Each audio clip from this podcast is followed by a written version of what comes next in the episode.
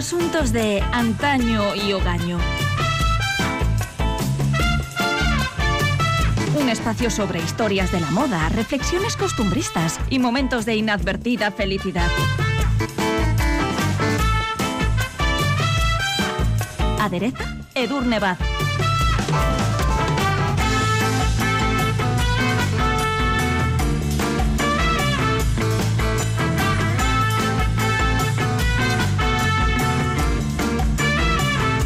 El marco de nuestros asuntos de antaño y hogaño, hoy vamos a inaugurar una nueva serie temática, Influencers de antaño y hogaño.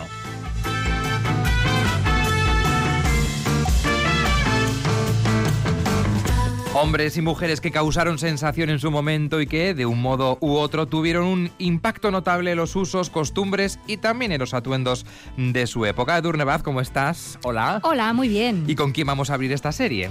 Vamos a estrenar este nuevo espacio con el malogrado Werther, personaje literario creado casi, como veremos, a imagen y semejanza de su autor, un joven Goethe que se vio inesperadamente sobrepasado por el éxito mundial de su libro, publicado en 1774. Y es que el protagonista de Las penas del joven Werther influyó de forma determinante en el ámbito de la literatura, de la música, de la moda y hasta de la psicología.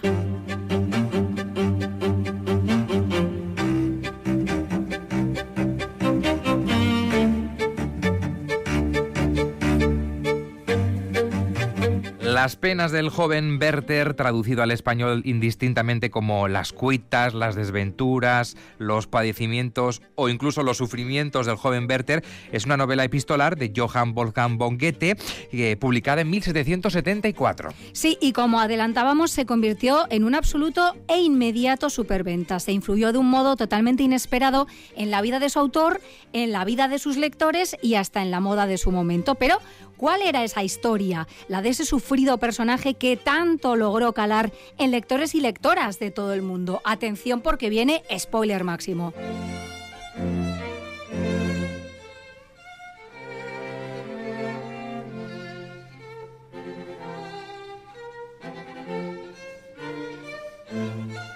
Y en el centro de esta historia está Werther, que es un joven pintor con alma de poeta, que huyendo de la banalidad y el angustioso bullicio de la ciudad, se traslada al campo para hacer una cura de reposo. Y desde allí le escribe cartas a su amigo Guillermo con el que va compartiendo sus reflexiones y vivencias. ¿Qué historias le cuenta? Bueno, pues de entre todas ellas vamos a ir directos a la central, como cuando en un baile conoce a Charlotte, una bella joven que tras la muerte de su madre cuida personalmente de sus ocho hermanos menores. Werther queda prendado de la frescura, la simpatía y la animada conversación de la joven Lot, que es como le llaman sus amigos, pero por desgracia para él, Lot ya está comprometida con Albert, un hombre 11 años mayor que ella. Pese al dolor que le produce ese compromiso, nuestro desdichado protagonista resulta que acaba forjando una estrecha amistad con ambos. Un buen día, incapaz de soportar por más tiempo ver a su amada y a su gran amigo juntos, decide abandonar el pueblo y poner tierra de por medio, pero incluso en la distancia le llegan las noticias del casamiento ya es oficial, su amor es imposible. Bueno, a pesar de todo, ¿no? Un tiempo después, ese empecinado Werther eh, decide regresar, retoma esa relación de amistad con el ahora matrimonio, algo que no sé si era muy normal. Claro, era muy raro, o sea, la cosa no resultó, como imaginaréis, muy cómoda para ninguno de los tres y es la propia Charlotte la que le viene a decir, mira, Werther, esto pues es raro de narices, ¿no? Yo creo que lo mejor sería que dejáramos de vernos porque vienes todos los días a mi casa de visita y esto pues no es sano, ¿no? Y tú no vas a dejar de sufrir nunca por ese amor imposible. Bueno, esto se lo dice pues con las palabras literariamente bellas de Goethe, ¿no?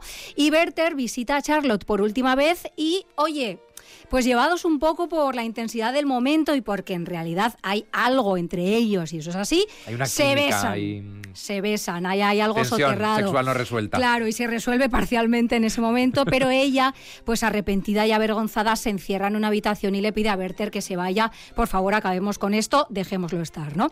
Incapaz de asumir la situación y con el corazón roto, él decide quitarse la vida. En una sorprendente maniobra, le pide prestadas a Albert dos pistolas con el extraño pretexto de que se va de viaje, porque a fin de cuentas, ¿no? ¿Quién no mete dos maletas, o sea, o dos pistolas en su maleta, por si acaso, cuando se va de viaje?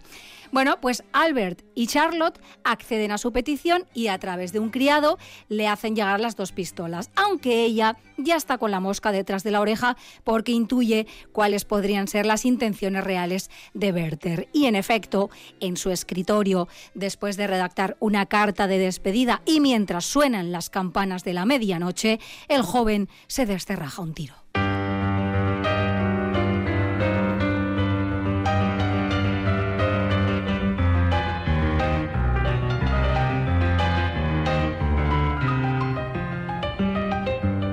Una historia con todos los ingredientes para triunfar. Estas penas del joven Werther, el libro que eh, Goethe publicó cuando tenía, atención, tan solo 25 años, ¿no? Y además hizo que el autor se convirtiera en una de las principales celebridades literarias de su época. En pocos meses, de hecho, se imprimieron hasta tres ediciones de la novela. Ese éxito también fue internacional. La obra se extendió más allá de su país. Sí, porque a partir de ese éxito inesperado y tan rotundo llegaron enseguida las traducciones al francés, al inglés, al neerlandés al sueco, al serbio, al ruso o al castellano. El joven escritor pasó de ser un completo desconocido a un célebre autor prácticamente de la noche a la mañana, ¿no? Su personaje influyó de forma determinante en el movimiento romántico alemán, se podría decir incluso que fue el detonante, ¿no? Y el romanticismo, vamos a recordar brevemente, fue una corriente cultural que se originó en Alemania, Reino Unido y Francia a finales del siglo XVIII como una reacción al espíritu racional y crítico de la ilustración y a la rigidez normativa del neoclasicismo. Durante el siglo XIX se extendió a otros países europeos y se considera de hecho que fue el primer movimiento cultural del que se hizo eco todo el continente y se dejó notar especialmente en los campos de la literatura, la filosofía, el arte, el teatro o la música. Y en el campo literario, que es el que hoy nos ocupa, ¿en qué se eh, bueno, pues preocuparon los románticos? Ellos exaltaron y reivindicaron la conciencia del yo, el culto a las cualidades y diferencias que hacen a cada persona única, la originalidad, la extravagancia, el exotismo, la libertad, la rebeldía, la belleza, la fantasía, el amor por la naturaleza y al tiempo también por los ambientes góticos, decadentes, nocturnos y luctuosos, la nostalgia por los paraísos perdidos, como puede ser la infancia, la ruptura con el estilo y las normas de la tradición literaria clásica, la experimentación creativa y por supuesto, por encima de todo, los sentimientos como motor de toda acción o pensamiento y como fuente de inspiración creativa. Pero ¿Qué pasaba? Que el idealismo y el sentimentalismo morboso característicos del movimiento romántico chocaban pues con la triste, mezquina y mísera realidad y esto generaba en los románticos una percepción pesimista o directamente trágica de mm. la vida y del mundo que en muchos casos pues empujó a muchos de ellos al suicidio, ¿no? Adiós mundo cruel y materialista, esto es demasiado horrible para mi sensibilidad, ¿no? Y ese fue el contexto cultural en el que las penas del joven Werther calaron hondo entre muchos de sus lectores y lectoras. Pero es que, atención, giro impactante en los acontecimientos. La novela y las cuitas del joven Werther beben de la propia experiencia de Goethe.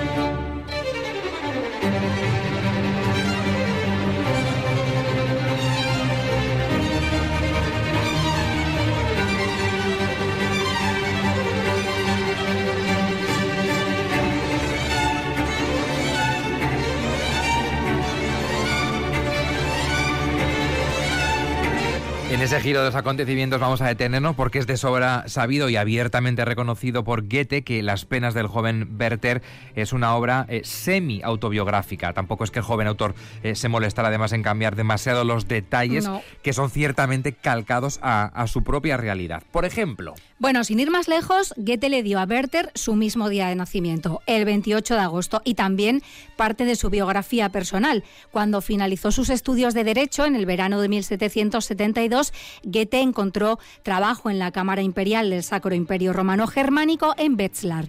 Allí trabó amistad con Karl Wilhelm Jerusalem, abogado alemán e hijo de un conocido teólogo protestante. Y quedaos con el dato, Wilhelm, es decir, Guillermo, tiene el mismo nombre, sí, que que el amigo al que Werther escribe sus cartas en la novela. Demasiadas coincidencias. Empiezan, empiezan y no paran, porque la noche del 9 de junio de 1772 los dos amigos acudieron a un baile y allí Goethe conoció a la joven Charlotte Buff, que como su trasunto literario al que no le cambió ni el nombre, era también hija de un oficial y tenía muchos hermanos. Y a su prometido, Johann Christian Kessner, que era un hombre mayor que ella también. Goethe se enamoró instantánea y perdidamente de Charlotte y como en la novela mantuvieron una poco saludable relación de amistad y rechazo. Esto parece un ajuste de cuentas. Esto, bueno, pues un diario que luego se acaba publicando o desde luego una exposición abierta de los acontecimientos, porque en vista de la imposibilidad de su amor, Goethe también decidió como Werther poner tierra de por medio. Y hasta aquí, digamos, las coincidencias directas, aunque no las indirectas. Y es que... Sí, sí, sí que las hay, porque si bien Goethe no se quitó la vida, sí lo hizo su amigo, el desdichado Wilhelm o Guillermo. Y sí, también lo hizo, incapaz de gestionar su mal de amores debido a su imposible amor por, lo habéis adivinado, una mujer casada. También él lo hizo con una de las dos pistolas que, sí, lo habéis adivinado, le pidió prestadas al marido de su amada con la peregrina excusa de, sí, lo habéis adivinado, hacer un viaje. Y sí, también dejó una nota de despedida. Y en 1774, un año y medio después de la muerte del pobre Guillermo, Goethe publicó Las penas del joven Werther. ¿Cómo os quedáis?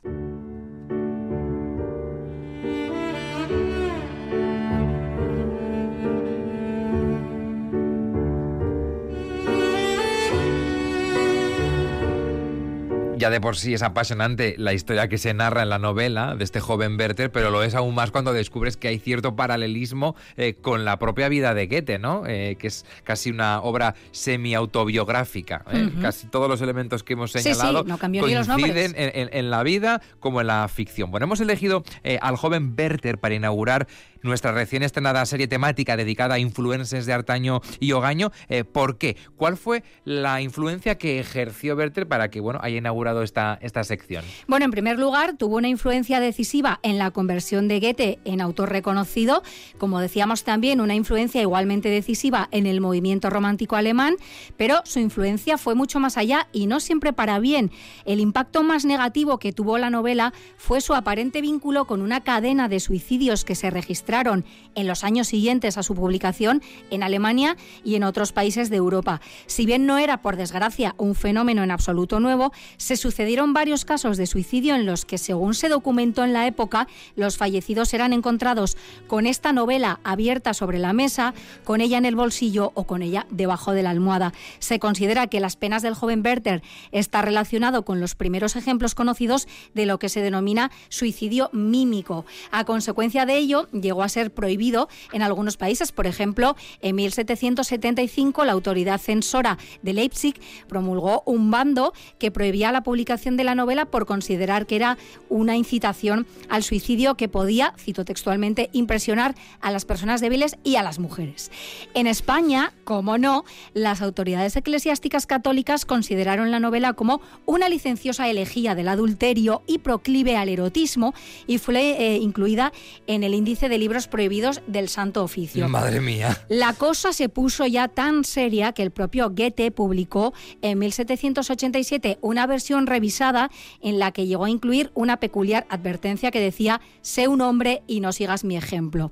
No solo las autoridades se mostraron preocupadas, también otros autores como Friedrich Nicolai, que tuvo la osadía de escribir un final alternativo para la novela que rebautizó libremente como Las alegrías del joven Werther. ¿no?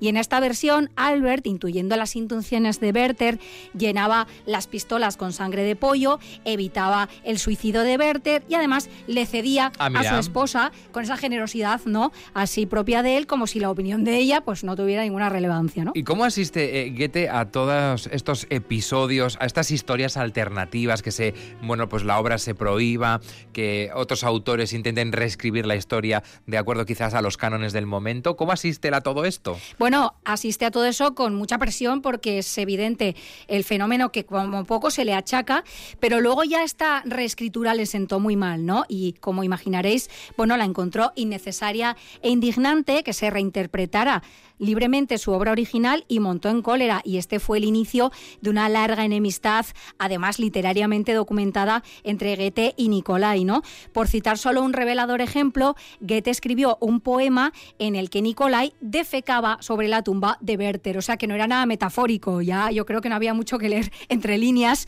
El mensaje explícito pues estaba ahí ya bastante expuesto. ¿no?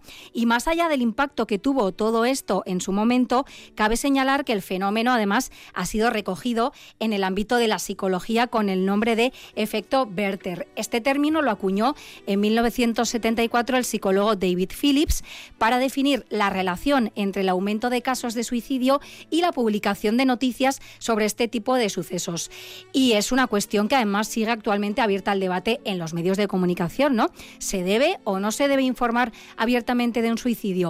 ¿Existe el riesgo de un efecto llamada por conductas de imitación? Ahí sigue el debate son, abierto. Son debates que tenemos todavía abiertos y que nos estamos planteando. ¿eh?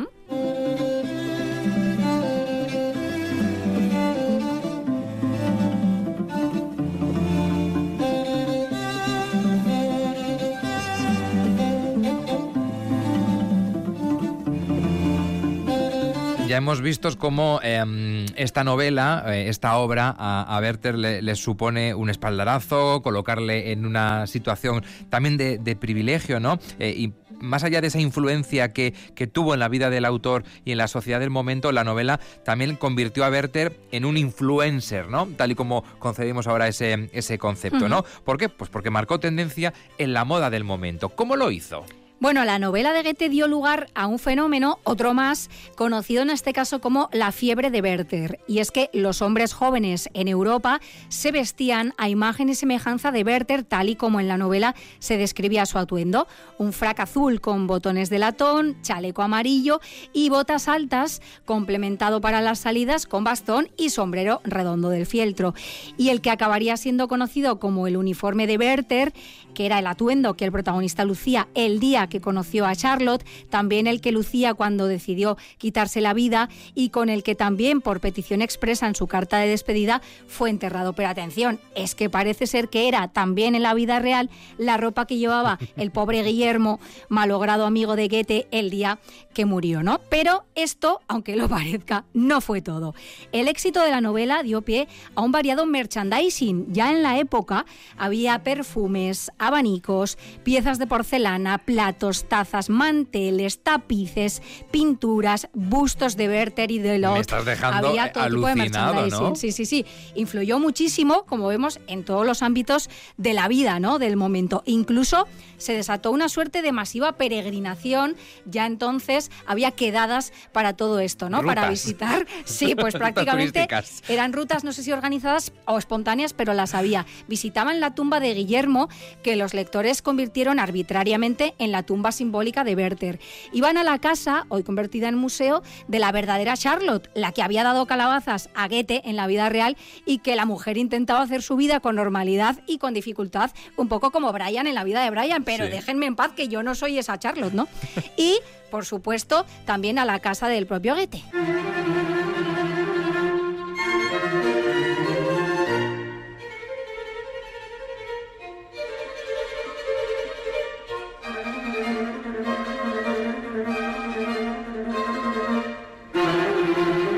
Estamos viendo la gran influencia que provocó esa novela, El joven Werther, y nos falta mencionar otro ámbito más de influencia, el de la música. Sí, porque entre 1885 y 1887 Jules Massenet compuso la ópera Werther, libremente basada en la exitosa novela de Goethe, un libreto de cuatro actos en el que el personaje de Werther resulta bastante fiel al de la novela original, el de Charlotte gana protagonismo y el de su marido Albert es convertido en el siempre necesario villano operístico, ¿no? Pues para darle ese plus. Si bien no fue especialmente bien acogida en un primer momento, en la actualidad se considera la la obra maestra de Massenet y su ópera más personal, así además lo reconoció él mismo. El de Werther está considerado a su vez uno de los papeles capitales para la tesitura del tenor y uno de los más difíciles, especialmente en el área más conocida de la obra, que es Pourquoi me réveillé, que por cierto, disclaimer máximo hoy, con las palabras en alemán y en francés. Me tienen que perdonar los oyentes porque hacemos lo que podemos, pero la traducción sería ¿por qué me despiertas? ¿no? Y necesitaríamos tener aquí a la siempre certera Patricia Escudero para valorar ¿no? con criterio pues bueno, la calidad de esta ópera y determinar también quiénes han sido sus mejores intérpretes, pero bueno, en su ausencia yo hoy me he decantado por un clásico, por Pavarotti.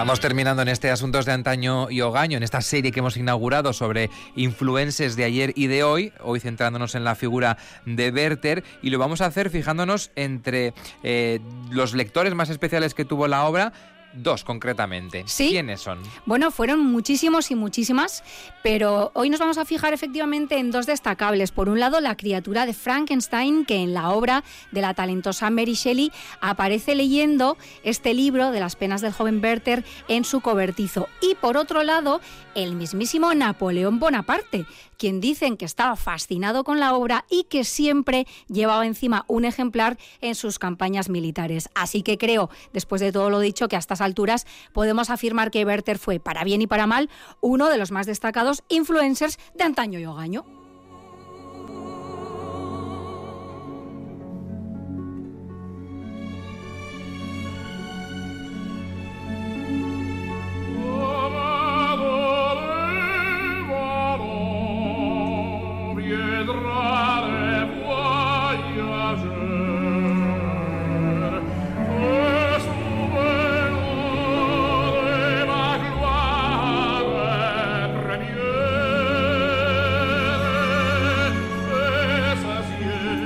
Pues con el joven Berter inauguramos esta sección oficial, influencers de antaño y hogaño. ¿Tienes alguno en mente que vamos a ir descubriendo en próximos episodios? Pues podremos hablar de Brumel, por ejemplo, como el gran dandy, María Antonieta, que fue una gran influencer en su momento, David Bowie, por poner un ejemplo más cercano, ha sido un icono de moda total y un gran influencer.